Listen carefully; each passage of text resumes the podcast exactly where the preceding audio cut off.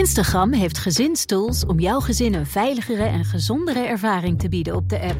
Wanneer tieners hun Instagram-profiel instellen, zorgt standaard privé-accounts ervoor dat wat ze posten privé blijft voor hen en hun volgers.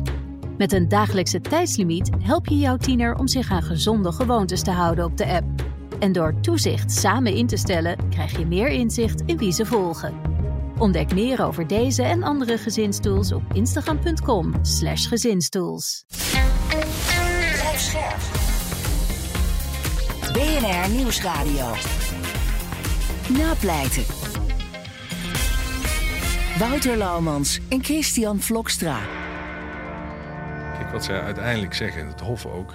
Het is eigenlijk bijna onverkropbaar dat je eh, mogelijke schuldigen moet laten gaan.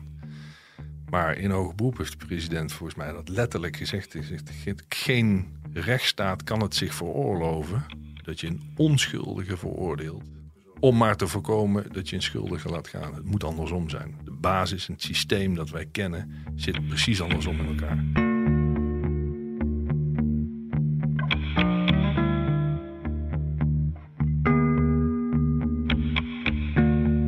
Hallo en welkom bij Napleiten, de podcast waarin we met advocaten, officieren van justitie en rechters praten over strafzaken die hen altijd zijn bijgebleven.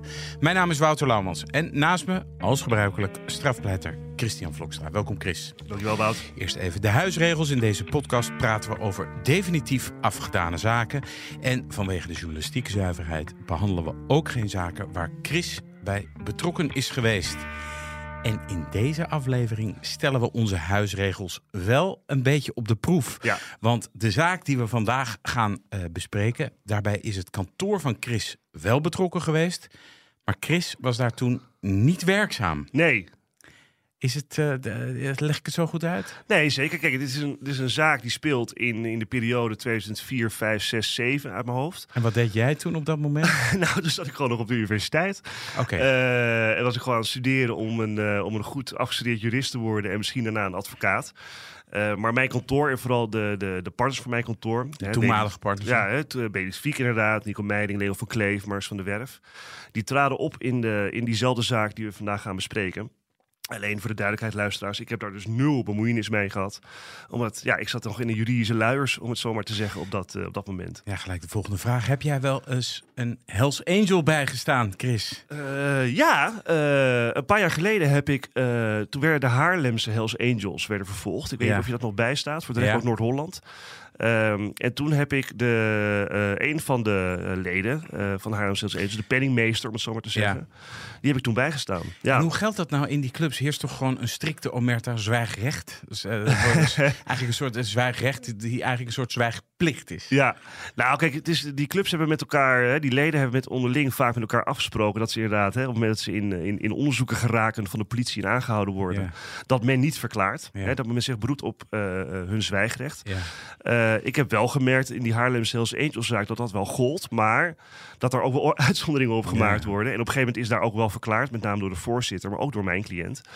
Uh, dus dat is wel een regel die toen de tijd gold. Maar waar ook wel mee geswitcht werd. Pragmatisch mee wordt omgegaan. Ja, maar goed. goed. in het algemeen geldt wel dat, dat, dat, dat ja, binnen die clubs wordt er niet graag gepraat met de politie. Dat is uh, zeker zo. We gaan naar de zaak. Op woensdagavond 11 februari 2004 hebben de Limburgse Hells Angels, die noemen zichzelf de Nomads, hun wekelijkse clubavond in een clubhuis in Oorsbeek, een dorp 10 kilometer ten zuiden van Sittard Geleen. 17 Nomads zijn op de bijeenkomst aanwezig. Volgens het Openbaar Ministerie worden die avond clubleden Paul de Vries, Serge Wagner en Cor Pijnenburg, doodgeschoten in het clubhuis. De Vries was op dat moment de president. Wagner was zijn lijfwacht en Pijnenburg zijn aanstaande schoonzoon. Twee dagen later worden de met kogels doorzeefde lichamen van de drie Hells Angels gevonden in de Geleenbeek bij Echt. Alle veertien nomads die de bewuste avond aanwezig waren, worden door het Openbaar Ministerie verdacht van moord. Bij ons aangeschoven vandaag is de Maastrichtse advocaat Marijn Zucchetto. Welkom. Dankjewel. En in de omschrijving, want die zoeken we altijd even op, van jouw kantoor staat: wij behandelen alleen zaken waar we echt goed in zijn. Wat voor zaken zijn dat? Dat zijn dus eigenlijk alle strafzaken. Oké, ja, eh, dat is gewoon een stukje marketing, neem ik aan. Nee, ja, dat ten dele natuurlijk. Maar ehm, het is wel zo dat wij ook bij de deur, bij het aanbod, ehm, kijken of eh, een bepaalde zaak inderdaad bij, bij ons past. Of Ja. de materie bij ons past, of de cliënt bij ons past. En of we daar ruimte zien en of dat een klik heeft met de, met de verdachte en eh, met onze achtergrond. Dus daar komt dat vandaan. Eh, en eh, over jezelf staat er te lezen. ehm, ik behandel zaken met 100% discretie. Vertrouwelijkheid staat voorop. Dat betekent ook terughoudend met media. Eh, dat schrijf jij speciaal op. Eh, eh, wa- waarom? Nou, dat hebben jullie denk ik eigenlijk wel gezien. Want als je verder gaat zoeken, dan vind je van mij bijna niks. Nee. Dan is dit echt wel een uitzondering op de regel. Eh, dus dank Chris voor de aanhoudende... Nee. Verzoek om hier te komen. Ja, Ja, maar het is... ehm, ik denk dat het in heel veel strafzaken... ehm, meer in het belang van de advocaat is dan van de zaak zelf. Om in de media op te om in treden. de media op te treden. Ik denk dat het in veel gevallen de zaak niet vooruit helpt. En dat is eigenlijk het enige criterium dat wij hanteren. Is het nou echt heel erg nodig voor de, de, de uitkomst van de strafzaak, voor de beeldvorming, om daar in de media iets over te zeggen? En soms lijkt het verstandig, ehm, omdat je snel misschien iets van een beeld wil corrigeren. Maar tegelijkertijd help je dan soms ook een dynamiek op gang. Of blijf je een bepaalde dynamiek voeden. Ja. ehm, die iedere keer weer nieuwe aandacht genereert. Terwijl jouw klant dat in veel gevallen helemaal niet wil. Nee. Nou, we zijn in elk geval blij dat je hier wil zijn. De zaak van vandaag. Wij vragen onze gasten altijd: kies een zaak eh, waarvan je zegt, nou, die is me altijd bijgebleven. Waarom heb jij deze zaak gekozen? Nou, deze zaak was in heel veel aspecten, eh, denk ik, tamelijk uitzonderlijk. Eh, om te beginnen natuurlijk ging het om een drievoudig levensdelict. De setting waarin dit wel of niet plaats heeft gevonden, dus die, die context van die motorclub was, was natuurlijk uniek. De dynamiek rondom die zaak was uniek, eh, met, met heel veel verdachten. En het echte unieke was dat al die verdachten eigenlijk dezelfde positie hadden. We hadden allemaal dezelfde kaarten gekregen. Ja. En dan wordt heel zichtbaar hoe, je, ja, hoe goed je kan kaarten wel of niet. Hè? Hoe je dus een bepaalde verdediging aanvliegt wel of niet. Ehm, het samenwerken met verschillende advocaten was hier uniek in. Ehm, het, gezamenlijk soms optreden, het gezamenlijk op zoek naar informatie die, eh, die dienstig kon zijn eh, voor die verdediging. Ehm, een bijzonder aspect was de media context hieromheen. Ja, want ik kan me die zaak nog wel echt heel goed herinneren. De Hells Angels moord, moorden in, in Limburg, dat, dat was echt een heel groot ding toen. Dat, Ja. er, dat er dus drie eh, leden en, en mogelijk door hun eigen clubgenoten om het leven waren gebracht. Ja, dat, het speelde ook in een tijd. eh, en daarmee wil ik niks afdoen aan de huidige bikerbendes of zo. maar het speelde in een tijd dat de Hells Angels. nou, die had, dat, dat was wel een soort club waarvan je dacht van. Dat waren, eh, dat, die hadden destijds een imago waar je toch wel van kon zeggen, dat- waar je u tegen zei. Hè? Die hadden toch een sinister imago, duistere club. Een club die niet, nooit naar buiten eh, trad. Waren erg zichtbaar toen. Nou ja, en ze stonden vol in die tijd, maar dat kan jij beter vertellen, in de, in de opsporingsbelangstelling. Ja, zeker. Nee, dit, dit, wat je schetst is inderdaad het beeld dat ook, ook met name natuurlijk het Openbaar Ministerie heeft gevoed. En ze hebben er echt wel alles aan gedaan om deze club ook zo eng mogelijk af te, af te schilderen. Ja, maar ik kan me ook herinneren dat ik eh, als jong broekie van een, was ik een verslaggever hier eh, bij, bij AT5, een lokale stadszender. Toen was er een, een, een, een, crimineel was hier doodgeschoten, Sam Klepper. En die kreeg toen een uitvaart. En dat was een aspirant-lid van de Hells Angels. En die kreeg een uitvaart in Amsterdam. Nou, dat, dat- de hele stad stond op zijn kop. De, de klokken van de Westertoren bijeren. Er werd vuurwerk afgestoken voor het politiebureau. Dat was een soort eh, en, dat, en de Hells Angels reden in een soort stoet door die stad. Ja, ik kan me dat zo goed herinneren nog. En op de, de begraafplaats waar Sam Klepper eh, ter aarde werd besteld. Ja, dat, dat was echt, daar liet wel eh, de Hells Angels zullen altijd zeggen van... nou ja, dat is nou eenmaal hoe wij mensen begraven. Maar ik weet dat iedereen en in de media dat dat toen wel werd gezien van... zo, hier laten de, de, laten de Hells Angels ook even de spierballen rollen. Eh, die laten even zien. Nou ja, wie- je vergeet nog één zijn. ding. Hè? Wat ze toen deden, is dat het was- werd als een middelvinger gezien. Ze gingen vuurwerk afsteken tijdens die tocht. Bij het ja. Bij het politie. Oh, dat zei ja, het. Oh, ja. sorry, was, sorry, dat miste ik eventjes. Ja, Dus dat het was werkt. echt gewoon een volle middelvinger naar de overheid. Ja. Eh, maar Marijn, eventjes voor, voor het begrip van de luisteraar ook. Hè. Die Nomads, het was eigenlijk de Limburgse afdeling van de Hells Angels. Ja, Maar die waren wel onderdeel van dat hele eh Hells was een Angels chapter gebeuren. van. Dat was gewoon een chapter. een chapter van. Ja, eigenlijk- de- voor de mensen die dat niet weten, bikerbendes of biker eh, ja, verenigingen, motorclubs. Een vereniging. ja, eh, ja het, eh, die, eh, die, die hebben verschillende afdelingen. En, en, en dan heb je eh, en die hebben ze, geven ze allemaal een andere naam. En die in Limburg, die, en die zitten in andere plekken door het land. Juist. En de Limburgse afdeling, die heette de, De Nomads. Nomads, Ja. Hoe, hoe kwam die zaak bij jou terecht eigenlijk? Want ik bedoel, dit Ah, was dat groot nieuws. wel geestig, want ik was eh, nog helemaal niet zo lang advocaat. Ehm, en ehm, mijn cliënt, die heeft mij zien optreden voor een net meerderjarige jongen die verdacht werd van joyriding dan wel heling van een scootertje of een brommertje. En daar had ik me inderdaad eh, nogal in uitgeleefd in die zaak, gewoon academisch. Ik, ik was... eh, eh, ik had daar wat meer tijd aan besteed dan, dan misschien nodig was. Maar dat had een mooie uitkomst. Maar had je zien optreden in de rechtszaal zelf? of In de zaal zelf. Want Oké. er is een familierelatie tussen die, of nou ja, een soort van familierelatie tussen die jongen en deze man. Ja. En deze man die kwam een aantal weken later en die zei: Stel nou dat er ooit iets gebeurt, mag ik jou dan benaderen? Want als jij je zo druk maakt over een scootertje, ja, dan wil ik jou wel als advocaat. Zo Ja. is die zaak bij mij gekomen. Dus hij heeft voorkeur uitgesproken toen hij werd aangehouden. Ja. Zij werden aangehouden in één grote actiedag. eh, en eh, allemaal naar Amsterdam gebracht. En dat is de reden dat ja, sommige van die nomads hadden een advocaat in het zuiden. Die zij al kenden. En, en, en, eh, en die anderen kwamen in Amsterdam gewoon volgens mij in de piket terecht. En daar, ja, dat is de reden dat er ook voor allerlei Amsterdamse advocaten in terecht kwamen. Want dat vind ik zo wonderlijk. Waarom is die zaak... en Waarom werden die naar Amsterdam gebracht? Nou ja, het, het- deze zaak, op een gegeven moment vinden ze drie eh, lijken. Ehm, en dan worden er eerst vier mannen in Limburg aangehouden. Die worden ook in Limburg voorgeleid. Die worden in Limburg... eh, Hells eh, Angels waren ja, dat ja, ja. Twee Hells Angels, twee members van de Nomads. En twee mannen die waren lid van een chapter. Dat was een hangaround chapter van de Hells Angels van Curaçao. Ja, en dan ga ik nu... Hangaround chapter. Nou ja, leg het zelf maar uit. voordat je. Hè, en ik, ik lees alleen maar op, of lepel Ja. alleen maar op wat er eh, zeg maar in de stuk staat. Voordat je volwaardig lid kan worden van eh, een dergelijke club, word je eerst mogelijk hangaround. Dan Ah, mag je ja. een beetje rondhangen. Aspirantlid. Eh, Aspirantlid. zeg Ja, maar. ja. En dit was een aspirantlid, een maatschap van de hele club. En die kwamen uit Curaçao. Die kwamen uit Curaçao. Ja. En die vier mensen, die werden, wat vonden die aanhoudingen vrij snel plaats na de fonds van die Ja, lichamen? Of- Relatief snel. ja. En een van die vier, een van die mannen van Curaçao, werd later kroongetuige. ja. Oké. Hè, dat is de Angelo D. eh, en die, ja, die, die zegt, ik was bang dat mij iets zou overkomen. De, de, het- het- de achtergrond van deze moorden zou zijn gelegen in het rippen van een partij cocaïne.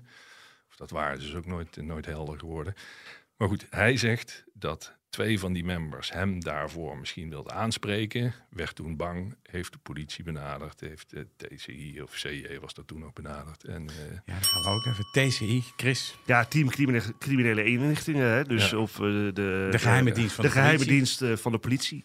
Ehm, maar even voor mijn begrip, er worden er vier aangehouden. Ja. Twee hangarounds, twee me- eh, members. Ja. Was jij toen al meteen betrokken of Nee, niet? nee, nee. Want die werden aangehouden. Die werden voorgeleid voor de Limburgse rechtbank. De Roermondse rechtbank toen nog. Dat was, Ja. dat was niet hetzelfde als nu. Ehm, en op enig moment, en daar hebben wij ons altijd over verbaasd. En, en, en er zijn ook wel, wel, wel, wel nou ja, stemmen opgegaan die dat eh, geduid hebben. Ehm, er liep in die tijd al een onderzoek naar de Hells Angels zelf. De vereniging, eh, ook in Amsterdam. En dat De hele was club. De hele club. En dat Ja. was het acroniemonderzoek. Ja. Dus daar liepen, toen dit gebeurde, allemaal telefoontaps in dat andere onderzoek. En ehm, gedacht is gewoon eh, door het landelijk pakket dat die Limburgers dit niet konden. En die hebben gewoon die zaak overgenomen. Ja. Gewoon in één klap die vier naar Amsterdam gebracht. Terwijl de zaak aangevangen was in, eh, bij een ander gerecht. Dat, dat is wel een dingetje. Ja.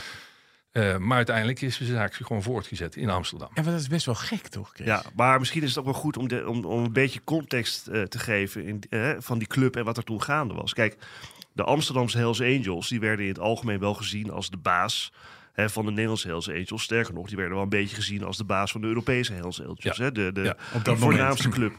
Dat acroniemonderzoek, wat ook toen de tijd liep, en waar ik ook niet bij betrokken was, maar mijn kantoor toen de tijd wel. Hè, dat liep met name tegen de Amsterdamse afdeling van de Hells Angels.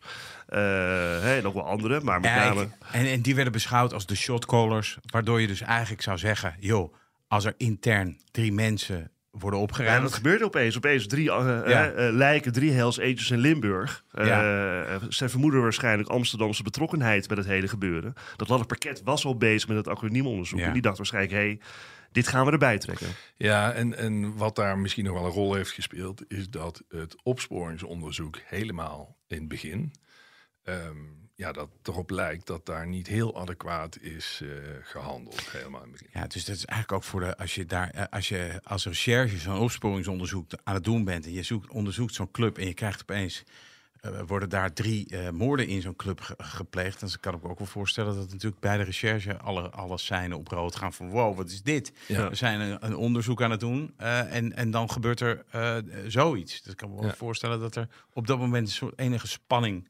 eh, op zo'n zaak komt te staan, Ja. denk ik. Ja. Zo, toen was jouw cliënt dus nog niet aangehouden, toen die vier Nee. werden aangehouden. Nee. Oké. Want wanneer gebeurde dat? Eh, dat is weken, ik schat zelfs eh, anderhalf maand of twee maanden later. Moet ik in mijn geheugen graven, maar dat is het ongeveer. Ja, en toen vroeg hij om jou. Ja. Dan ontmoet jij hem in, de, in de spreekkamer, neem ik aan. En wat vertelde hij jou? Dat hij verdacht werd van het medeplegen van de drie levensdelicten. Ja. Ehm, Was hij op die clubavond geweest? Ja, hij heeft ehm, in de hele procedure één ding gezegd, namelijk ik ben hier onschuldig aan. Ik heb deze feiten niet gepleegd. Ja, ja. En voor de rest heeft hij geen antwoorden gegeven. Oké, en dat is publiekelijk. Maar eh, wil, ben jij een advocaat die wil weten wat er is gebeurd? Ja, doorgaans wel. Oké. En, Dus dus het wel. vraagt, en als je dus vraagt, wat heeft hij dan gezegd? Dat kan ik niet. Dat kan ik Nee, niet dan, dan ga je door je geheim aan. Nou, dat denk ik. Dat, dat Ja. snap ik. Nee, die, die begrijp ik wel. Maar even Ehm, voor het beeld dan, Marijn. Want eh, eh, eerst worden die vier... Kijk, het was natuurlijk groot in de media geweest. Hè? Er worden er eerst vier aangehouden in, in Limburg voor Roermond. Ja. Daar ben je nog niet bij betrokken. Nee. Anderhalve maand later ongeveer wordt jouw cliënt aangehouden. Er werden er meer aangehouden op dat Ja, moment. ja. Eh, dat was in Amsterdam. Die aanhoudingen die hebben overal in Nederland plaatsgevonden. Ja. Met name in Limburg.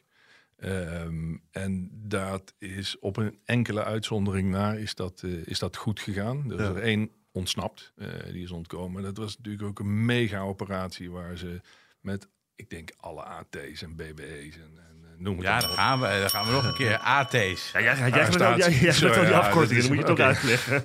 Arrestatieteam. Ja, en En- BW's. Dat, zijn de, dat is een onderdeel van het Corps Mariniers, die bijzondere bijstandseenheid. En, en dat zijn hele serieuze, serieuze jongens die ingevlogen worden. En in dit geval zelfs eh, daadwerkelijk ingevlogen werden op, eh, op verschillende locaties. Het was een mega-operatie. Ik Ja. kan me dat ook nog Ja. herinneren dat al die Hells Angels werden opgepakt dan, Ja. en, en voor die drievoudige moord. Ja, het was eigenlijk een soort. eh, ja, eh, het was bijna. Ja, dat klinkt altijd, vind ik altijd zo'n cliché, maar zo'n on-Nederlandse zaak. Weet Ja. je wel? Dat je denkt van. Nou, zeker in die tijd. Ja, Ja. Als je dat nu eh, plaatst in, in, in het huidige tijdgevricht, dan is het misschien niet zo heel... eh, Nou ja, maar- dan nog een drievoudige moord in dit circuit. Dat, is- ik moet je eerst zeggen dat ik niet zo snel een andere zou kunnen bedenken. Nee. Eh, jij krijgt op een gegeven moment op enig moment eh, dossierstukken. Wat was er volgens het Openbaar Ministerie gebeurd op die bewuste clubavond? Openbaar Ministerie heeft eigenlijk vanaf het begin geprobeerd eh, zichtbaar te maken dat alle members in de meetingroom aanwezig waren. Ehm, en daarna bewijsmiddelen gezocht bij de stelling dat ook daar in die meetingroom en tijdens de meeting die drie mannen vermoord zouden zijn. En dat vervolgens de lichamen verplaatst zouden zijn aan die Gleenbeek. Ja. En ehm, dat, dat was heel lastig, want er was heel weinig eh, ja, forensisch bewijs. En er waren maar weinig verklaringen. Ja, want alle meubels waren weg. Die waren weg uit het, uit het clubhuis. Het, de, de muren waren eh, opnieuw gestuukt. Eh, dat zijn natuurlijk allemaal omstandigheden waarvan je het, zeker je wenkbrauw op kunt trekken, Ja. denk ik zo. Ja. En achter die, dat stukwerk werd ook bloed, werd een bloedveeg gevonden. Nou, dat is niet helemaal waar. Er is op verschillende plaatsen in het clubhuis is bloed gevonden. Mhm. Ehm, daar is maar heel weinig bloed ge- ge- gekoppeld aan individuen. Mhm. Ehm, dat heeft er, denken ze mee te maken, dat ze een nieuw soort luminol. Ja, Daar gaan we. M- Marijn wijst al naar het belletje. luminol, een middel, dat kennen de mensen, ja, luisteraars misschien wel van de televisie, Amerikaanse series. CSI. Spuiten ze op de wanden, op voorwerpen en dan doe je het licht uit, blacklight aan en dan licht eh, bloed op. Ja, En dat kan dierlijk of, eh, of, of menselijk bloed zijn. ja. Punt was, dit was een nieuw soort luminol. En daar bleek van dat dat het DNA voor een stuk kapot maakte. Oh, ja. Eh, dus van veel van de sporen die ze gevonden hebben, konden ze geen DNA meer destilleren. Oh jee. Ehm, een aantal spatjes wel. Ehm, maar goed, dan zat dat op plaatsen waarvan je dacht, ja, dat heeft geen relatie met die meeting room bijvoorbeeld. Mhm. Ehm, of ze vonden bijvoorbeeld een mengspoor van een van de slachtoffers met een andere member. Maar van die member stond nou vast dat hij er niet was die avond. Dus dan denk je, ja, dat is dan weer geen spoor van Dat die is de betekenis van het spoor, ja. Ja. ja. En waren er bijvoorbeeld getuigenverklaringen? Hadden, eh, ik, ik, ik, heb de, ik kan me herinneren, foto's van dat clubhuis, dat stond eigenlijk een beetje in the middle of nowhere, toch? Ja, Dat, klopt. Eh, wa- waren er getuigen die iets hadden Ja, gehoord? bijzon- Of? Nee, het bijzondere is dat dit een, een gewone ordinaire clubavond was. En dat betekent dat alle niet-members op datzelfde moment in een aangrenzende ruimte waren. Net eh, aan dat clubhuis vast. Ja. Eh, en er waren talloze mensen. Er waren vriendinnen, vrouwen van, ook van, van eh, enkele van de slachtoffers. Er waren gasten. Twee van die gasten, dat was een van de cues, zeg maar. Die zouden zijn rondgeleid die avond door het gebouw, door een van de members. En die zouden gezien hebben dat alles er spik en span uitzag. Eh, ook die meeting room. Ja. En als dus later de politie daar een keer rondloopt, zeggen ze: hé, hey, dat is gek, want zij hadden een rondleiding gehad. En zagen dat het allemaal picobellen eruit zag. En als wij komen, dan zien we dat er nou, toch nog wat geklust moet worden. Ja. Dus dat was een van de zeg maar, eerste aanwijzingen dat er misschien iets aan de hand was. Plus, er was een getuige die die avond langs gereden is op een bepaald tijdstip. Dat blijkt een oud politieman te zijn. En die zegt dat hij gezien heeft dat er iemand uit het raam is gesprongen. Ehm, en dat hij in zijn binnenspiegel ook nog gezien heeft dat die man weer overeind is gekomen. En dan ziet hij dat de bewuste man een kale kop heeft. En hij denkt, hmm, het is weer zover bij de Angels. Het is weer een, een, een, een bond feestje, zoiets zegt hij letterlijk, geloof ik. En hij rijdt gewoon door. En later denkt hij, hey, dit zou misschien in verband kunnen worden gebracht met... En dat is een van de belangrijkste omstandigheden die later geleid heeft tot... Want die kale man, hè, dat, eh, Twee van de slachtoffers hadden een kaal hoofd. Ja, ja. Eén van de andere levende members had ook een kale hoofd. Ja. En in eerste aanleg heeft men, eh we maken misschien al een sprongetje, maar in eerste aanleg heeft men gedacht dat de man die uit het raam zou zijn gesprongen, dat dat Paul de Vries was. De van de De president. president. hadden de nabestaanden eigenlijk ook, hè? Want ik neem aan, die mannen die hadden misschien vrouw, kinderen, wat dan Ja, ook. Hè? ja. Hebben die verklaringen afgelegd toen? Ehm, ja, in zoverre dat de vriendin van die president eh, zegt van nou, hij zou eigenlijk eh, hij zou het niet laat maken en hij zou op tijd naar huis gaan en we zouden binnenkort naar Parijs vertrekken. Eh, en, en een aantal van de partners van die Jan hebben ook dit soort verklaringen. Maar ze konden dus wel, hè, want op, ze moesten natuurlijk vaststellen waar zijn deze mensen überhaupt aan, het, aan hun einde gekomen. Ja, en dat is nou net een van de problemen zeg maar, van het Openbaar Ministerie geweest, want dat is nooit daadwerkelijk vastgesteld. Nee. Eh, sterker nog, er is een getuige die woont eigenlijk schuin tegenover dit clubhuis. En die zegt, ik heb de schoten gehoord. En die komen juist uit de andere kant. Dus 180 graden van het clubhuis vandaan. Ja. En er is een van die, eh, die, die hangaround members van Curaçao. En die zegt, ik had samen met die president en zijn beweerdelijke lijfwacht... die avond na de meeting nog een afspraak met een andere partij... En dat zou te maken hebben met cocaïne. En wat zegt dat dan? Nou, dat voedt de gedachte dat ze mogelijk ook vertrokken kunnen zijn. Want dat is wat sommige van de members hebben verklaard. Toen ze nog getuigen waren. Dus voordat ze als verdachte werden aangemerkt, is de politie natuurlijk komen vragen waar, waar zijn ze naartoe. Ja. En een aantal van die leden hebben gezegd, nou, ze zijn na de meeting, zijn ze vertrokken en daarna hebben we niks meer gehoord. Ja. Mag ik even vragen vanuit advocatenperspectief, hè, uh, Marijn? Want kijk, je, je, was nog niet zo lang advocaat toen. Nee. Uh, je wordt opgeroepen voor een piket van, van jouw cliënt, hè, van jouw voorkeurs, Voorkeur, ja. van jouw cliënt. Uh, je, krijgt, je komt opeens in de zaak. Die gaat over een drievoudige moord binnen de Hells Angels. Landelijk parket, alle toeters en bellen erbij. andere advocaten die er allemaal in zitten.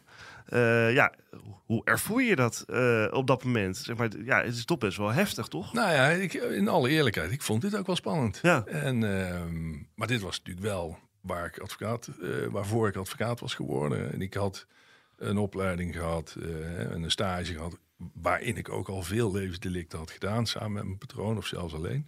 Um, maar dit was wel een heel ander speelveld. En, ja. en, en wat daarbij speelde is dat in de zittingen um, uh, de rechtbank iedere keer een volgorde bepaalde. En die begon bij de eerste letter van het alfabet van, van de naam van de, van de verdachte. En, en ik was dus altijd als eerste aan de beurt. Ah, ja. En het hele proces lang. En dan moest je je eigen naam en de naam van je klant uh, ja, noemen ja, de voor de band. Ja, ja maar hij, zijn naam begint uh, vrij vroeg in het alfabet. Ja. Um, en dat heeft me ook wel een beetje, nou ja, uh, getriggerd om echt heel goed in dat dossier te zitten. Ik kende dat van A tot Z. Ik wist gewoon alles. Ja, mooi. In de visie van het Openbaar Ministerie is er dus sprake van eigenlijk een interne afrekening binnen de Hells Angels. Ja. Uh, wat was het zou het motief geweest zijn van die. Hè, we hebben net al even gehad over cocaïne, maar in, de, in dit soort zaken wordt opeens motief natuurlijk Sommige, je hebt strafzaken waar motief eigenlijk niet ter zake doet. doet. Maar in deze zaak is dat natuurlijk wel. Ja. Uh, de waarom-vraag is natuurlijk best wel belangrijk. Uh, wat de eerste kroongetuige heeft gezegd, is dat er uh, gedoe was om een partij cocaïne die was verdwenen. 300 zoveel kilo. Ja. En dat de gedachte zou zijn dat die president daarachter zat of iets mee te maken had. Die zou die cocaïne geript hebben? Dat, dat wordt, wordt ja. gesuggereerd. Dat heeft hij nooit met zoveel woorden gezegd, want dat wordt wel gesuggereerd. En daarachter, en dat heeft in, in, in de feiten nergens ooit verankering gevonden. Maar daarachter wordt gedacht door het Openbaar Ministerie van... nou, dit zou een probleem kunnen zijn voor de reputatie van de Hells Angels... ten opzichte van, zeg maar, Zuid-Amerika en die hebben dit gedaan om een signaal af te geven. Hè, dus hun eigen members uh, terechtgesteld om een signaal af te geven dat de handel zeg maar verder kan gaan. Dat ja. vind ik nogal een bonte stelling. En, en nogmaals, die heeft nergens ooit echt handen en voeten gekregen. Nee. Maar die eerste kroongetuige, misschien is dat wel goed, hè? Want bedoel, wie was die eerste kroongetuige? Dat was... Dat was dus een van die hangaround members van Curaçao. Ja. En, die, en die had dat transport vanuit Zuid-Amerika eigenlijk opgezet. Van die, drie, van die verdwenen uh, ja. partijdrugs, ja. Ja. ja. En die was aangehouden als verdachte? Uh, ja, ook. Uh, niet als verdachte van de levensdelicten, maar wel verdachte van betrokkenheid bij die, bij die handel. De, vandaar in, is hij kroongetuige geworden. En daar, vandaar is hij kroongetuige geworden. Ja, ja um, dan heb je natuurlijk wel te maken met een iemand die zegt van joh, ik heb met die jongens handel gedaan. Gaf hij ook een uitleg voor die, voor die, voor die moorden? Heeft hij daar uitleg over gegeven? Uh, nee. Oké, okay. nee, hij, hij wist dat niet. Nee, hij heeft, hij heeft hè, de, de context grof geschetst. Um, en hij heeft uh, gesuggereerd dat dit de achtergrond zou, zou kunnen zijn.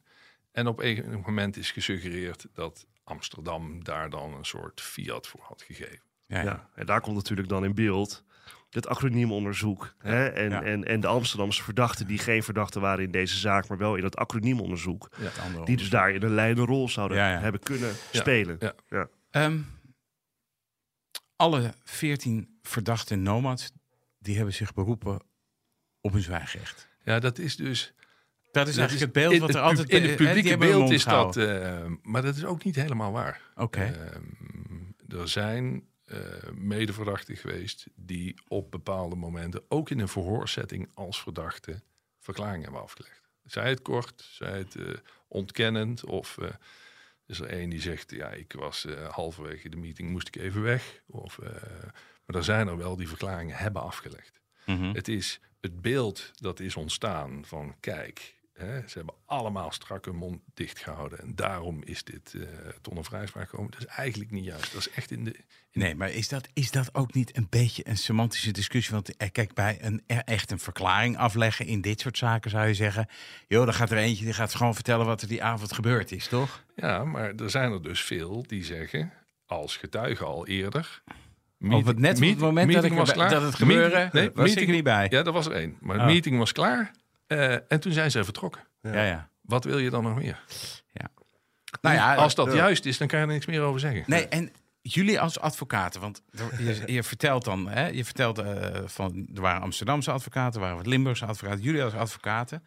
Hebben jullie dan overlegd van, joh, het is wel handig in deze zaak als iedereen een beetje zijn mond houdt? Is, is nou, dat, dat, soort dat overleg? laatste uh, zo nadrukkelijk denk ik niet. Maar daar is iedereen wel zich wel van doordrongen. Er is, wel, er is natuurlijk wel echt gesproken met elkaar over wat is verstandig om te doen of ja. niet. Ja. Um, en daarbij was overigens uh, niet altijd iedereen met elkaar eens. Zo. Nee, maar dat begrijp ik. Want je hebt hier te maken met 14 verdachten, 14 keer belangen. Uh, maar eigenlijk worden ze als groep vervolgd. Waarbij het dus moeilijk, hè, en uh, dan kijk je daar als advocaat naar, dan wordt het dus moeilijk om vast te gaan zetten, stellen wie heeft nou precies wat gedaan. Hè, wat, wat dat betreft, uh, daar zijn andere voorbeelden natuurlijk ook van. Dus als dat niet duidelijk wordt, dan zit er voor een advocaat behoorlijk wat licht in zo'n zaak natuurlijk. Als niet duidelijk wordt wie nou precies wat heeft gedaan. Ik heb vanaf het begin gezegd dat het bewijs in deze zaak, het wettig bewijs, ontbreekt. Ja. Het zat er gewoon niet in. Ja. Maar ja, er spelen natuurlijk een aantal dingen, Wouter. Want kijk, de, de enerzijds speelt hoe, zijn, hoe en waar zijn deze mensen om het leven gekomen. Hè? Ze waren door pistoolschoten om het leven gekomen, dat Ja. was helder. Ja. Eh, maar waar is dat gebeurd en wanneer? Hè? Dan is er vol, kijk, er was al niet zo heel veel bewijs dat het had plaatsgevonden op die clubavond. Hè, eh, in, die, eh, in die ruimte waar die vergadering plaatsvond. Klopt. Want Dat vertelde je net, een paar spatjes. Dus dat is punt één. Vervolgens, op het moment dat je wel zou vaststellen als OM of als rechtbank, het heeft daar moeten plaatsvinden, Mm. dan zit je natuurlijk met 14 verdachten die daar wel of niet bij aanwezig waren. En dan komt inderdaad die vraag van jou aan de orde van... hé, hey, wie heeft wat gedaan en wie is waarvoor verantwoordelijk? En dan zit je Ja, dus in het, dan- in het medeplegen vraagstuk. Ja, en wat Ja. dan relevant is, hè, er waren wat objectieve aanwijzingen, gewoon van getuigen buiten de regionen van deze club en dergelijke, dat het mogelijk op een andere plaats had plaatsgevonden. Ehm, maar als ik al die verhoren, wij mochten toen nog niet bij de verhoren zijn, maar die zijn allemaal opgenomen. Als je die verhoren naleest of luistert of bekijkt Van de verdachte van de verdachte, dan zie je zonder twijfel, en dat heeft zowel de rechtbank als ook het Hof later gezegd, dat een aantal van deze members dit zeker nooit gewild hebben. Misschien allemaal niet, maar van een aantal was dat heel duidelijk. En van een aantal, die zag je eigenlijk stuk zitten bijna van Wat er gebeurd was. ja, en, en hadden innige vriendschappelijke relaties of familiaire relaties Ja. met die slachtoffers. Dat kon eigenlijk niet dat zij. Dus als het dan daar geweest of plaatsgevonden zou hebben, dan moet dat iets heel explosiefs in één keer Ja. als verrassing. Ja. En dan kan je toch ook bijna niet komen tot een deelnemingsvorm. Of gewoon niet. Nee. Een deelnemingsveer. Ja, dit is, het, is, het is juridisch mega interessante eh, eh, eh, materie. Kijk, ik zei al, hè, ik was toen de tijd zat ik nog in de juridische luiers. Ik studeerde nog hè, tijdens deze, dit proces. Maar deze uitspraken, zowel van de rechtbank als het Hof, dat, waren, dat was studiemateriaal. Waarom? Het ging om de vraag van het medeplegen. Hè. Dat, noemt, u- dat bedoelt hij met een deelnemingsvorm. Kijk, je kunt een pleger zijn. Hè. Dan ben je gewoon de pleger van een strafbare feit. Hè, ik ga naar een bank en ik overval de bank. Als ik het samen met jou doe, En ik sta op de uitkijk. nou ja, nee, was het samen met je. Wij gaan met z'n tweeën die bank in. Zijn we hè? twee dan, zijn we, dan zijn we medeplegers. Hè? Dan zijn wij in bewust en nauwe samenwerking met elkaar dat aan het doen. Maar als jij, op de, als jij een kleinere rol hebt, ik ga naar binnen, maar jij staat ergens verderop op de uitkijk. Ik heb de bivakmuts gebreid. Dan ben je, dan ben je eerder een medeplichtige. Hè? Dat is ook een deelnemingsvorm, maar een lagere deelnemingsvorm. Wat speelt hier? Kijk, het punt is, je moet uiteindelijk wel, je kunt medepleger zijn, pleger, medeplichtig. Maar je moet dus wel vaststellen, wat is de individuele bijdrage van iemand geweest aan strafbare feit? Ja. Eh, en dat moet je dan vervolgens waarderen als plegen, medeplegen, medeplichtigheid. Wat je hier te maken even vanuitgaande waar uiteindelijk de rechtbank en het hof ook vanuit zijn gegaan. Die mensen zijn daar in die meetingroom vermoord. En er zijn veertien mensen, om, die waren daarbij. Dan is natuurlijk de vraag, precies wat Marijn zegt. zijn die alle veertien dan, als je niet kunt vaststellen wie het gedaan heeft, zijn die alle veertien dan pleger of medepleger? Kijk, op het moment dat je kunt vaststellen dat er een vooropgezet plan was tussen deze veertien om op dat moment deze mensen om het leven te brengen, ja, dan zijn alle veertien die aanwezig zijn en die betrokken waren bij het plan, die zou je min of meer als medepleger Dit kunnen is nou een hele interessante, want dit is precies wat het Openbaar Ministerie heeft proberen te spinnen. En ik zeg dat echt zo bewust. Spinnen? Ja, en dit hebben ze echt gespind. Ze hebben vanaf het begin, aanvang strafzaak in Amsterdam, hebben ze gezegd, er is een groepsbesluit genomen. Ja. Binnen de structuur van deze Hells Angels kan het, kan het eigenlijk niet anders zijn. En dat hebben ze dan niet uitgesproken, dan dat er een groepsbesluit is genomen. En dat zegt de persofficier vanaf moment één. En dat heeft een soort dynamiek gekregen, ook in de pers. En dat hele, die hele theorie van dat, dat is- dat is- Maar hoe vaak heb jij die film eh, afgespeeld in je hoofd? Van wat, er daar, wat zou er daar in, dat, in, in, die- in, die, in, die, in die kamer gebeurd zijn? Wat zou, hoe om vaak heel eerlijk te zijn. Geen idee. En, maar Maar heb je dan, als je zo'n dossier leest, Marijn, dan, dan denk je daar toch over na. Dan zie je dat voor je, dan denk je, mijn god, wat is hier gebeurd? ja, die vraag die stel ik me, maar is niet relevant voor wat ik moet doen. Nee. Maar om nog even af te maken, hè? want kijk, op het moment dus dat, stel je voor, hè, je- 14 mensen zitten bij elkaar, of 17. En er ontstaat opeens een ruzie tussen eh, één of meer personen. Ja. En daarvan staan er twee op en die schieten die drie dood. Ik zeg maar wat. Eh, terwijl die andere, die andere eh, eh, 14 die er zitten, die zitten, wat is hier gebeurd? Maakt dat, hè, eventjes los van wat er daarna gebeurt, hè, het, wegrijden van het lijk en, het niet, en niks over vertellen en zwijgen en alles. Maar maakt het feit dat jij bij, aanwezig bent bij een meeting waar opeens een ruzie ontstaat en waarbij door twee mensen drie anderen worden doodgeschoten, maakt jou dat zeg maar eh, eh, verantwoordelijk bij dat feit. Dat is ja, zeg maar en dan denk ik hier, en ik ben hier de, soms de geschokte Nee, rechter is aan tafel. is En dan goed. denk ik, ja, dan moet je even vertellen hoe het zit. Ja. Dan moet je gewoon zeggen, hey, die- die, vriend van mij, met wie ik elke zondag leuk op een motortje door eh, het Ja. Limburgse Heuvelland scheur, eh, die, heeft, eh, die, werd, eh, die kreeg een dat spin is- in zijn kop en die Ja. schoot er ineens. Maar dan komen we eh, dus weer is terug een- bij het zwijgerecht. ja. Ja, En dat, dat dat, is- maakt deze zaak eigenlijk ook nu in het huidige tijdgevricht. En ik kan me nog steeds na al die jaren, want het is bijna twintig jaar geleden, niet aan het idee onttrekken dat ze die lichamen, en wie, wie dat al- allemaal besloten heeft, dat ze die lichamen hebben weggemaakt en dat ze elkaar eens diep in de ogen hebben aangekeken. Jongens, Ja. mondjes toe en snaveltjes dicht. Hè? Maar om, Eh, jou, om, jou, om, om zeg maar jouw geschokte rechtsorde even af te maken, dan, dan, dan zou je eigenlijk zeggen, hè, wat op zich een, een, een standpunt is wat je kunt innemen, Ja. begrijp het niet verkeerd. Op het moment dat je kunt vaststellen dat je erbij was, dat het gebeurde, nog los of je betrokken was bij voorafgaande besluitvorming of wat dan ook, en je houdt achteraf je mond dicht, dus het gebruik van het zwijgerecht, kan dat zwijgerecht dan tegen jou gebruikt worden hè, om als bewijs te dienen van betrokkenheid bij de moord die daarvoor heeft plaatsgevonden. En daar, en, daar- maar daar vind ik dus ook weer wat, en dat is, dat is juridisch van nul en geen waarde. Ja. Maar eh, eh, Marijn haalt net ook even aan hoe dicht geknoopt die club eh, in sociaal opzicht zit. Hè. Dat zijn mensen die elkaar vaak jaren kennen. Ja. Eh, en vervolgens vindt daar eh, dan mogelijk zo'n interne afrekening plaats. Dan zou je toch zeggen, joh, als het, als het je allemaal zo aan het hart gaat, vertel het dan. En ik denk dat ze in de voorkamers dat soort dingen natuurlijk ook allemaal gezegd hebben. Ja, dat zwijgrecht, hè? Er waren ook pittige voor. Tuurlijk. Ja. En, ter, en, En, daar kan ik en, me iets en bij voorstellen. dagenlang ook. eh. En ehm, Maar hoe kijk je aan tegen het zwijgerecht dan? In dit, in- Ja, wat, wat, wat het opmerkelijk is, maar dan maak ik een sprongetje naar nu, dat het er de schijn van heeft dat wij in Nederland rechters steeds minder hebben met dat zwijgrecht. Ja. En dat ze in de eerste zin in het vonnis wel zeggen, u hebt wettelijk gezien een zwijgrecht. Maar, als u er gebruik van maakt. maar, en in, dat ieder snap geval, ik wel. En, en in ieder geval ook in de overtuiging. En om heel eerlijk te zijn, begrijp ik eigenlijk ook nou, weet je wat ik heel Daar vaak zit- nou- meemaak in die, in die En we, we dwalen een beetje af, we komen zo weer verder bij de Hells Angels. Wat ik heel vaak zie, is meanderen met zwijgrecht, noem ik dat even.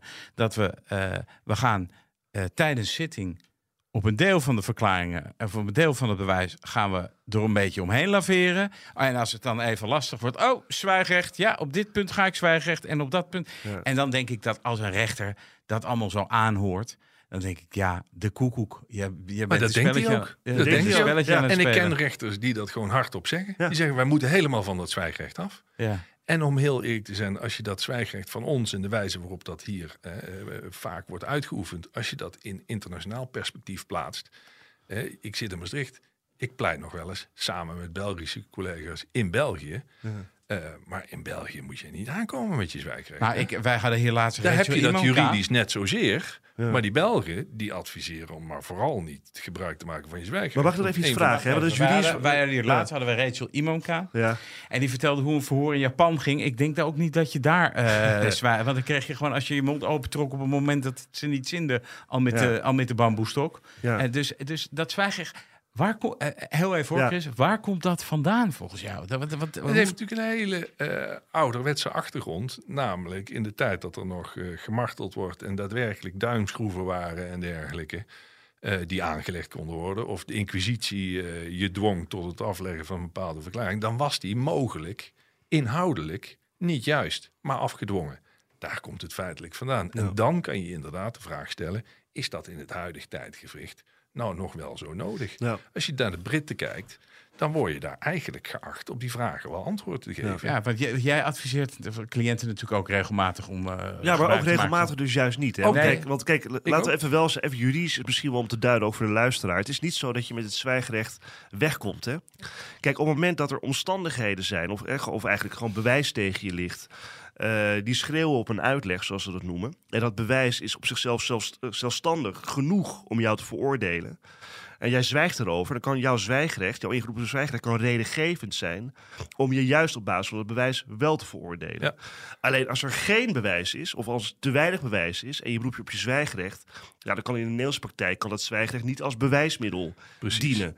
Maar laten we wel zeggen, in de Nederlandse praktijk op dit moment, ik adviseer mijn cliënten eigenlijk liever niet zich te beroepen op hun zwijgrecht, Eens. want ik weet dat dat keihard tegen ze gebruikt gaat worden later. Ik dat deel dat.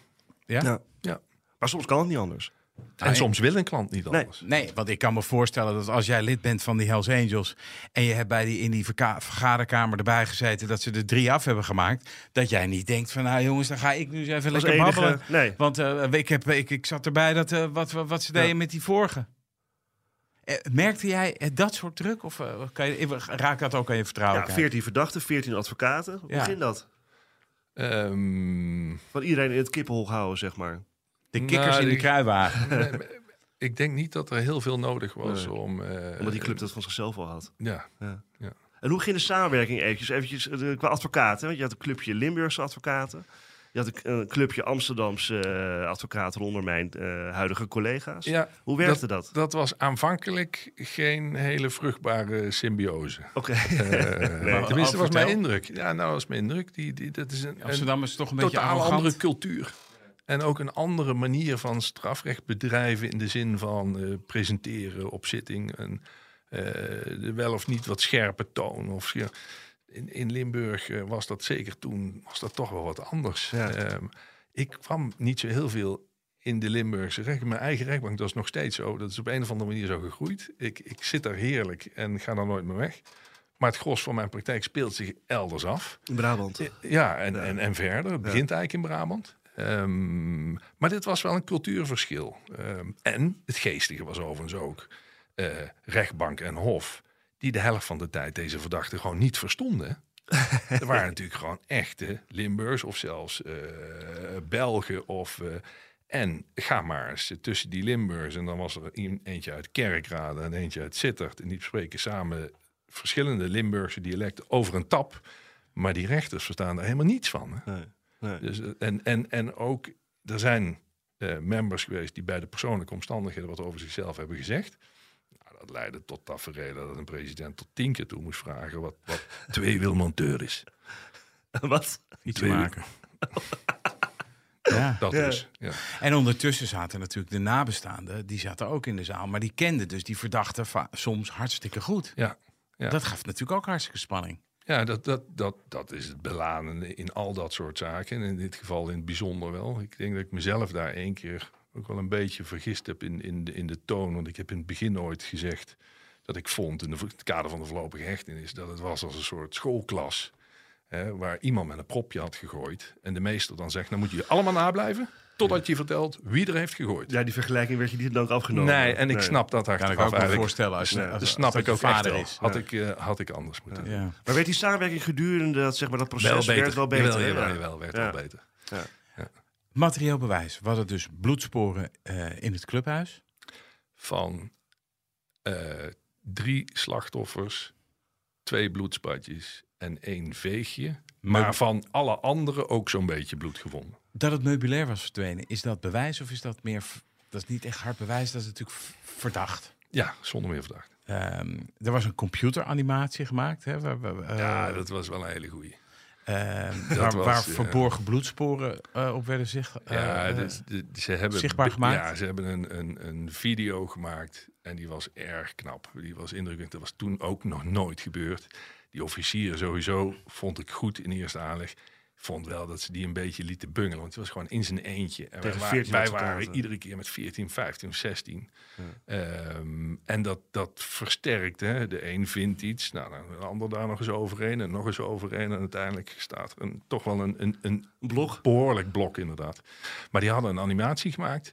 En daarin hadden ze de luminolbeelden hadden ze zichtbaar gemaakt. Dus je liep door dat clubhuis heen. En dan zag je wat het luminol had prijsgegeven. En ehm, Dat zag er heftig dat uit. zag er heftig uit. Ja. En eh, er was door de nomads na de, eh, na de moord, nadat de moorden zouden hebben uh, plaatsgevonden, een bus gehuurd.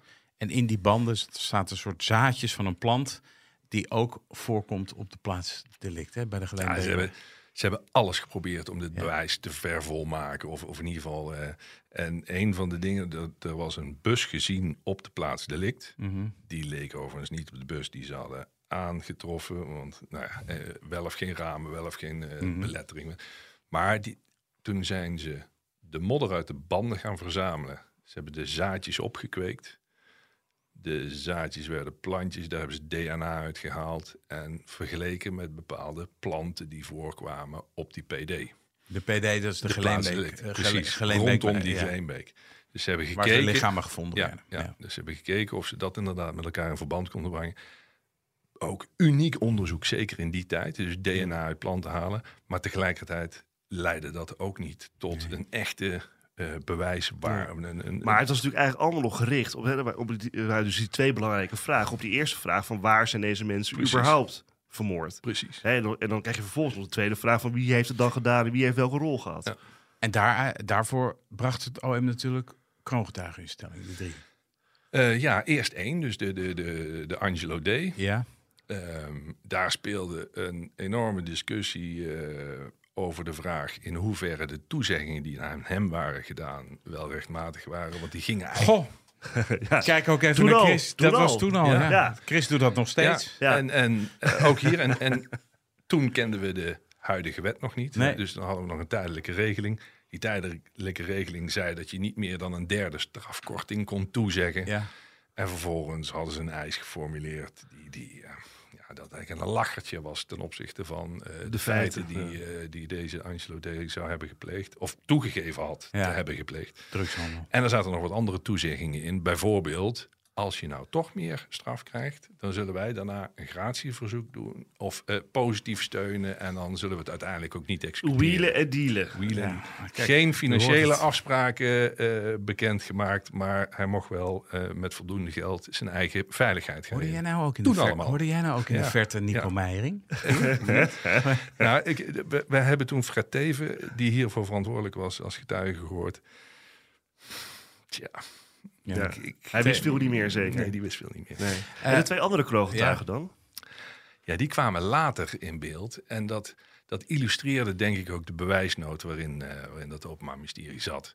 Eh, want de een was eigenlijk nog wel bonter dan eh, de ander. Eerst kregen we een getuige en dat bleek een man te zijn die zelf verdacht werd van het ketchup-incident met de minister Verdonk.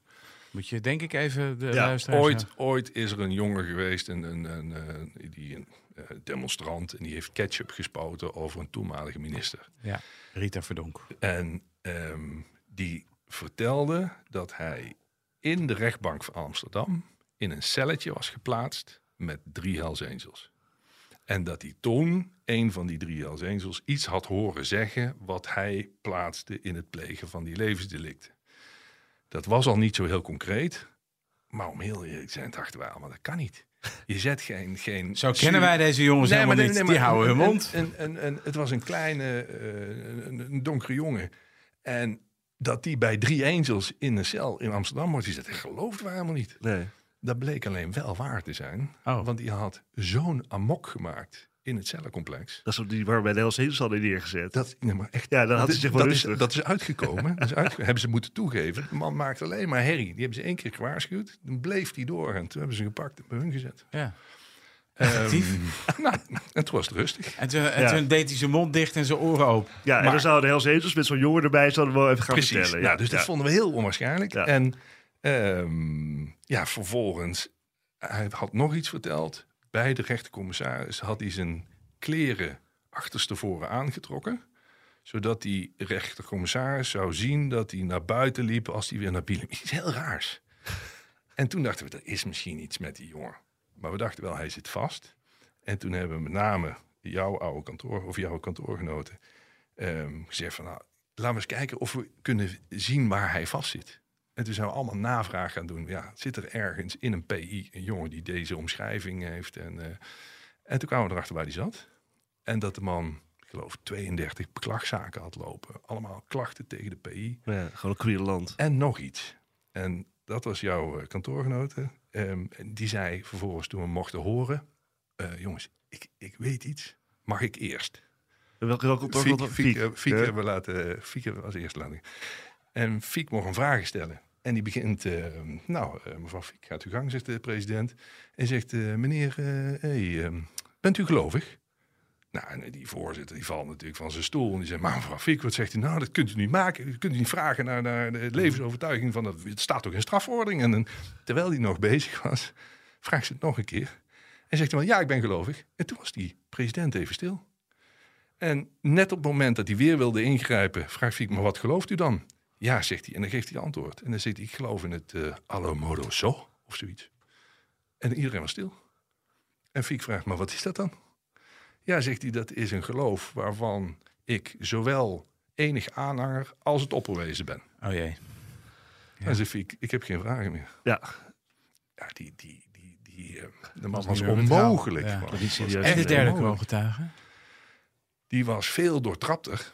Ehm, dat was een vent die ah, zat bij een van de members gedetineerd. Die hadden ze verspreid over het land natuurlijk neergezet. Ja. En die heeft een dagboek geschreven.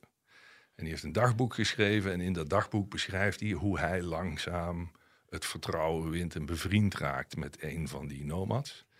En na maanden beschrijft hij dan uiteindelijk dat die, eh, die nomad, die had eh, bezoek gehad en die kwam terug. En toen was hij zo euforisch en toen heeft hij de hele moorden bekend. Precies hoe het gegaan is. En dat dagboek heeft hij heel gewiekst in elkaar gestoken. En dat heeft hij ja, allerlei feitjes die wel waar waren over het dagelijks leven in die PI. Verweven met allerlei ja, informatie die onwaar is. Daarvan bleek dat deze man zelf, geloof 28 keer veroordeeld was voor oplichting. Ja, ja. Bij, eh, bij eh, opgelicht was geweest. Ja. En daar heeft uiteindelijk het OM van gezegd: oké, ja, maar dan kan het nog waar zijn. Die hebben twee psychologen van, de, eh, van hun eigen dienst hem laten onderzoeken. Die zeiden: wij denken dat het niet betrouwbaar is. Toen dacht het OM: wat doe je dan als je een deskundige hebt waar je niet eens mee bent? Dan zoek je een andere. Dus toen kwam Peter van Koppen. En die zei gelukkig: hij is ook niet betrouwbaar. Ja, ja. Dus die is teruggetrokken. En Ja. toen, Ja. en toen Nee. waren er dus ehm, eigenlijk, eh, had, je, had je eigenlijk alleen nog Angelo D. als echte kroongetuige waar, waar je echt wat mee moest, eh, waar je echt wat mee kon als openbaar ministerie zijnde. Ja, alleen die had de vraag wie en waar op welk moment ook niet beantwoord. Nee. Ehm, de ijs in eerste aanleg, 14 Levenslang. keer, 14 keer levenslang. Ja. Eh, wat was de reactie in de zaal? Toen schrok, schrok, je, schrok jij, schrok je Nee, nee, nee, nee, dat was, eh, iedereen zag dat mijlen ver aankomen. Ja. Drie levensdelicten, drie keer moord is levenslang. En wat was de redenering bij het OM daarbij? Dus van, hey, het heeft daar plaatsgevonden. Jullie waren er allemaal bij. Ja, Dus jullie kan zijn niet allemaal anders, kan niet anders dan van deze groepsbesluit moord. zijn geweest. Groepsbesluit. Ja. En zij hadden, en dat is wel iets wat de rechtbank heeft gevolgd, zij hebben aangenomen dat de man die uit het raam is gesprongen, dat dat de president was. Mhm.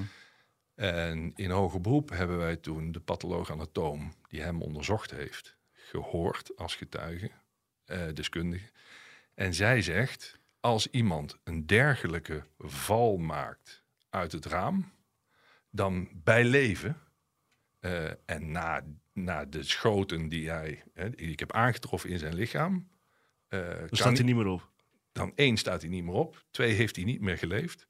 Ehm, dus dan kan hij ook niet overeind komen. Maar Dat- die zegt vervolgens, als hij degene is die uit het raam is gevallen, dan had ik dat zonder meer gezien. Ook al was zijn lichaam helemaal betatoeëerd met die blauwe plekken en dergelijke, die had ik zonder meer gezien. Dus hij is het niet. Dat is, was in hoger beroep natuurlijk gespeeld dit. Wat was de uitspraak? De uitspraak is... Ja, het, Eerste aanleg? Ja? In eerste aanleg heeft de rechtbank gezegd: wij denken dat er daar een, een, een eh, explosie, een onverwacht nou ja, geweldsincident is geweest. ehm, waarbij eh, ze alle drie beschoten zijn. Ehm, waarna die president uit het raam is gesprongen nog. Ehm, dan bij dat eerste incident zeggen ze: kunnen wij niet vaststellen dat anderen een rol hebben gespeeld dan de schutters. Wij weten niet wie de schutter is. Dus van die twee wordt iedereen vrijgesproken. Maar wij nemen aan dat die president vervolgens opnieuw naar binnen is gehaald, terug naar boven is gebracht en dat ze het daar afgemaakt hebben. Dat was een moment, dan hadden de anderen zich moeten distancieren en op die manier hebben ze de doodslag ten aanzien van hem alleen bewezen verklaard. Ja, en toen kregen ze zes jaar. En toen kregen ze allemaal zes. Dit is juridisch is dit zeg maar belangrijke materie, omdat ze dus zeggen... wij kunnen niet vaststellen wie wat in deze groep heeft gedaan. Alleen wel dat deze groep er voortdurend bij was. Alleen ten aanzien van die eerste twee, daarvan, hè, dat, gebeurde misschien, hè, dat gebeurde opeens. Dus ja, daar kan je niemand verantwoordelijk voor houden. Alleen die derde, die is even weg geweest hè, door het raam uit te springen... daarna weer teruggekomen en is daarna nog een keer is het, is het werk afgemaakt. En dat geeft dus tijd om je te distancieren. Hè, om, en als je dat dus dan niet doet, dat is ook vaste jurisprudentie hoor. Als je dat niet doet, daarmee hè, draag je bij dus aan die uiteindelijke eh, doodslag. En daardoor ben je dus medepleger. Dus dat springen uit het raam en dat feit dat die man nog zou hebben geleefd toen, was essentieel om tot deze medepleger doodslag voor iedereen te kunnen komen. Ja. ja. En Zes jaar, ja. Ja, Als je, ik kan me voorstellen dat als je nabestaande bent van een van die slachtoffers... dat je denkt, wat een, wat een Mickey Mouse straf. Zes jaar voor zoiets. Maar dat heeft eh, zowel de rechtbank, maar later het Hof ook heel nadrukkelijk benoemd. Ja. Dit is, kijk wat zij uiteindelijk zeggen, en het Hof ook. Het is eigenlijk bijna onverkropbaar dat je eh, mogelijke schuldigen moet laten gaan. Maar in hoger beroep heeft de president volgens mij dat letterlijk gezegd. Hij zegt, "Ge- geen rechtsstaat kan het zich veroorloven dat je een onschuldige veroordeelt ja voor om maar te voorkomen dat je een schuldige laat gaan. Het moet andersom zijn. De basis, het systeem dat wij kennen, zit precies andersom in elkaar. Ja. Eh, dus ik, ik begrijp heel goed dat dit, als je aanneemt, het is daar gebeurd, door hen gebeurd, ehm, dat dat... eh, Ja.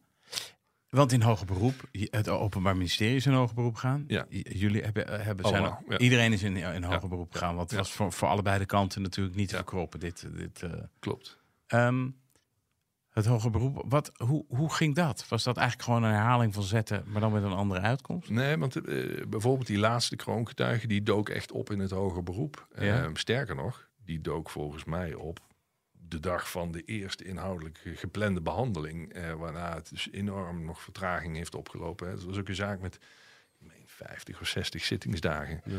Ehm, ehm, dus eh, we hebben in hoger beroep opnieuw veel en andere getuigen gehoord, deskundigen gehoord. Ja, onder de Ehm, NFI deskundige. Ja, ja, Dan precies. concentreer ze natuurlijk vooral op dat uit het raam springen en weer Ja, terugkomen. Ja, Ja, zonder ja. meer. Ja, Ja. zonder meer.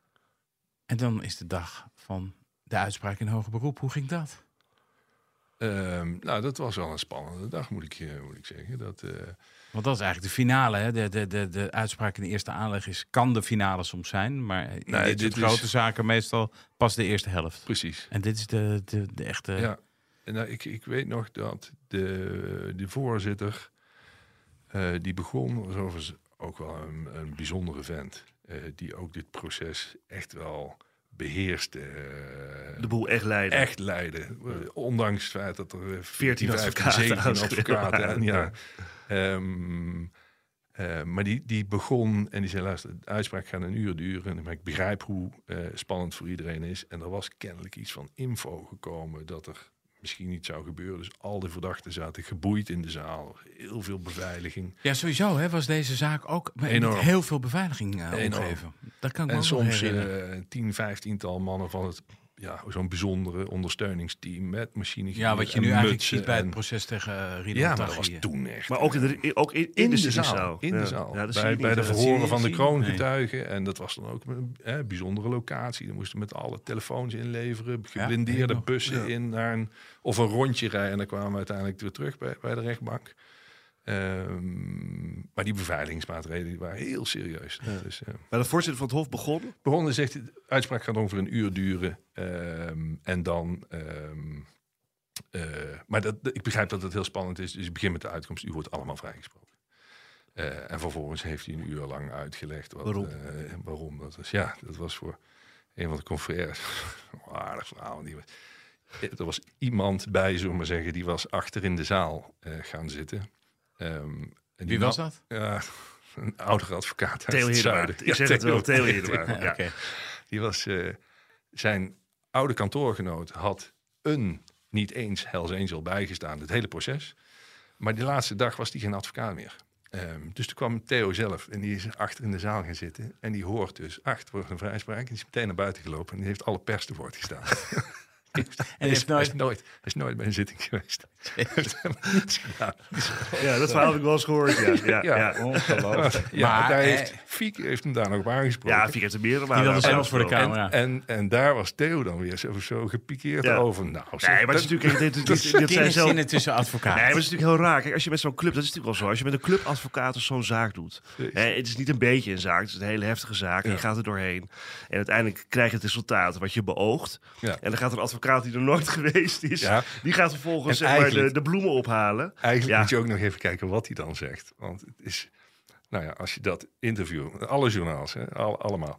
eh, als je dat interview hoort, dan heb je niet de indruk dat hij daar voor het eerst was. Nee. Nee, nee. Maar waarom kwam het Hof tot een vrijspraak? Dat is misschien wel goed nog om uit te leggen.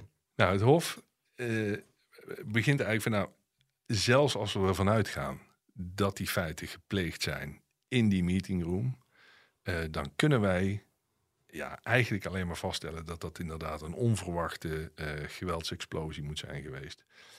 Die reppen ook in het arrest over aanwijzingen dat er anderen zijn die dit zeker niet gewild zouden hebben. Dat, dat, er, dat het er ook op lijkt dat anderen daar heel boos of verdrietig over zijn. Eh, en dan zeggen ze, als wij niet kunnen aanwijzen wie dat zijn geweest, ehm, dan kunnen we de deelnemingsvorm, dus de bewust en de nauwe samenwerking tegen die anderen, kunnen we ook niet aan. En dan komt bij dat, dat het verhaal van uit het raam vallen en weer terugkomen. Dat was naar het Rijk der Fabelen Nou, dat, verwezen. Ja. zij, zij zeggen, wij moeten aannemen dat dat een van de nog levende members is geweest. Wat ze ook weer gebruiken als een aanwijzing voor de heftige gewelds... Ja, en, en het onverwachte daarvan, dat zelfs een van die members uit het raam springt. Waardoor dat niet distanciëren verhaal, wat in eerste eigenlijk tot medepleeggeleider Weg is. niet weg is. Weg Ja. is. En toch Ja. krijg ik nu het gevoel van, joh, hè, dat weet ik ook nog dat ik dat toen had na dat, eh, na dat arrest. Als iedereen dus gewoon zijn mond dicht houdt bij zo'n groeps, eh, bij zo'n groepsgebeuren, dan kom je een heel eind in zo'n strafzaak. En dat is natuurlijk pijnlijk hè, voor de nabestaanden. Kijk, dit waren natuurlijk Hells Angels. Er was sprake van eh, drugs en gedoe. Maar die mensen hadden natuurlijk ook allemaal families die van hen hielden. En dat is natuurlijk dan toch echt wel zuur. Kan ik me zo Ja, dat, be- dat begrijp ik heel goed. Maar ehm, eh, ze hadden met deze bewijspositie als deze zaak niet moeten beginnen. Ehm, want het zat er vanaf het begin gewoon echt niet in. Nee, had je wachten misschien. Ja, en dat zwijgen inderdaad. En dat was toen al zo. Als er nou echt een hele belastende omstandigheid was tegen het individu. Hè? Want zo hebben we dat iedere keer ook proberen duidelijk te maken. Daar zit niet die club. Het is ieder voor zich. En tegen dat individu moet je in staat zijn om te bewijzen dat hij echt een rol heeft gespeeld. Echt een bijdrage heeft geleverd. Dat hij heeft geweten van tevoren. Dat hij opzet heeft gehad.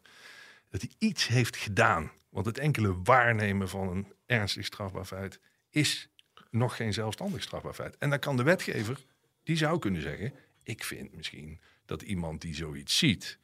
misschien gehouden is om daar een verklaring over af te leggen. Want anders maak ik dat strafbaar. Dat zou kunnen. Ja. Of we leggen te lasten het wegmaken eh, van een lijk. Of het onttrekken van eh, een lijk aan naspeuring. Of het wegmaken van sporen. Allemaal strafbare feiten. Ja. Maar allemaal niet lastig ligt. Marijn Succhetto, bedankt voor dit verhaal en eh, je komst naar onze studio. Dankjewel. Dit was Napleiten. Het arrest in deze zaak is na te lezen op rechtspraak.nl en eh, is ook te vinden in onze show notes. Mijn naam is Wouter Laumans en naast me zit co-host advocaat Christian Vlokstra. Deze podcast is te beluisteren op Apple Podcasts en Spotify. Vergeet u vooral niet te abonneren, dan bent u op de hoogte als er een nieuwe aflevering online staat. Verder zijn we te volgen op Twitter en Instagram. Dank voor het luisteren en graag tot de volgende keer.